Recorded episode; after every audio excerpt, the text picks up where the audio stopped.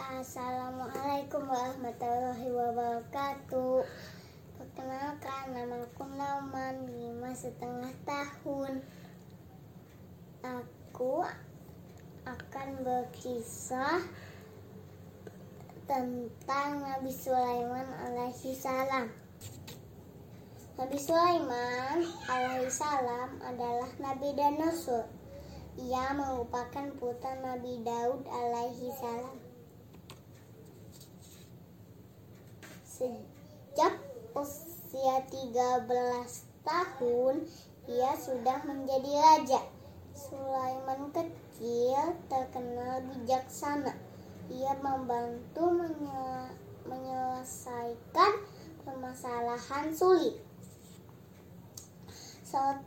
Suatu ketika ada dua orang wanita bertengkar. Mereka memperebutkan seorang bayi. Mereka mengaku sebagai ibu bayi. Nabi Sulaiman meletakkan bayi tersebut di atas meja. Nabi Sulaiman menghunuskan pedang tajam. Nabi Sulaiman mengatakan akan membelah bayi itu menjadi dua. Wanita yang satu mengangguk setuju Artinya dia menyerahkan Nabi Sulaiman untuk membelah bayi itu menjadi dua. Sedangkan wanita satunya menolak keras sambil menangis. Ia mengatakan, aku rela menyerahkan bayi itu kepadanya. Lalu siapakah ibu bayi itu? Dari jawaban kedua wanita itu, Nabi Sulaiman Nabi Sulaiman mengetahui bahwa wanita yang menangis itu adalah ibu sang bayi. Setelah dewasa, Allah mengangkat Nabi Sulaiman menjadi nabi dan rasul dan menganugerahkan ilmu yang tinggi padanya. Sulaiman menjadi nabi dan raja yang pintar, adil dan bijaksana. Kekuasaannya sangat luas dan pasukannya terdiri dari manusia, hewan, dan golongan jin. Nabi Sulaiman dianugerahi mukjizat oleh Allah yaitu dapat mengerti bahasa binatang. Ia juga bisa memerintahkan angin dan bangsa jin.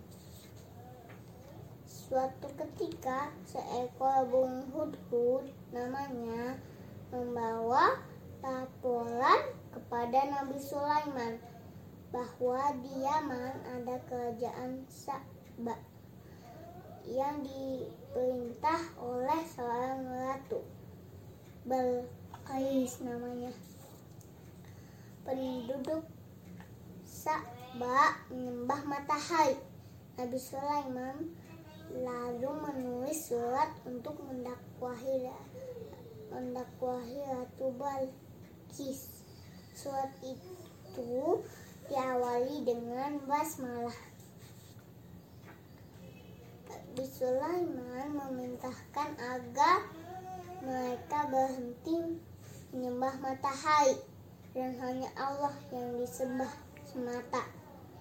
Apabila menolak perintah itu, maka kerajaan Sa'ba akan diperangi oleh kerajaan Nabi Sulaiman. Ratu Balkis mendatangi Nabi Sulaiman. Namun, sebelum sampai, sigasananya sudah dipindahkan ke dalam sekejap mata. Balkis terpana lalu menyadari bahwa semua itu merupakan kekuasaan Allah. ah, akhirnya Ratu Balkis bersedia menyembah Allah semata. Ia pun ia pun kemudian ia pun menikah dengan Nabi Sulaiman.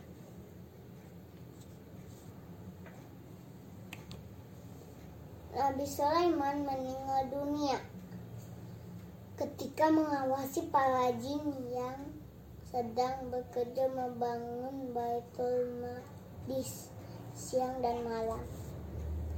Awalnya tidak ada yang menyadari Nabi Sulaiman sudah meninggal. Orang-orang baru tahu setelah tongkat dan kaki-kaki singgasana Nabi Sulaiman dimakan oleh sayap sehingga beliau terjatuh. Pelajaran yang paling penting dari kisah Nabi Sulaiman adalah menyembah Allah semata dan tidak boleh menyembah tidak boleh menyembah matahari dan lain-lainnya selain Allah. Terima kasih sudah menyimak ceritaku. Dadah. Assalamualaikum warahmatullahi wabarakatuh. أعوذ بالله من الشيطان الرجيم يا أيها الذين آمنوا اتقوا الله وقولوا قولا سديدا يصلح لكم أعمالكم ويغفر لكم ذنوبكم ومن يطع الله ورسوله فقد فاز فوزا عظيما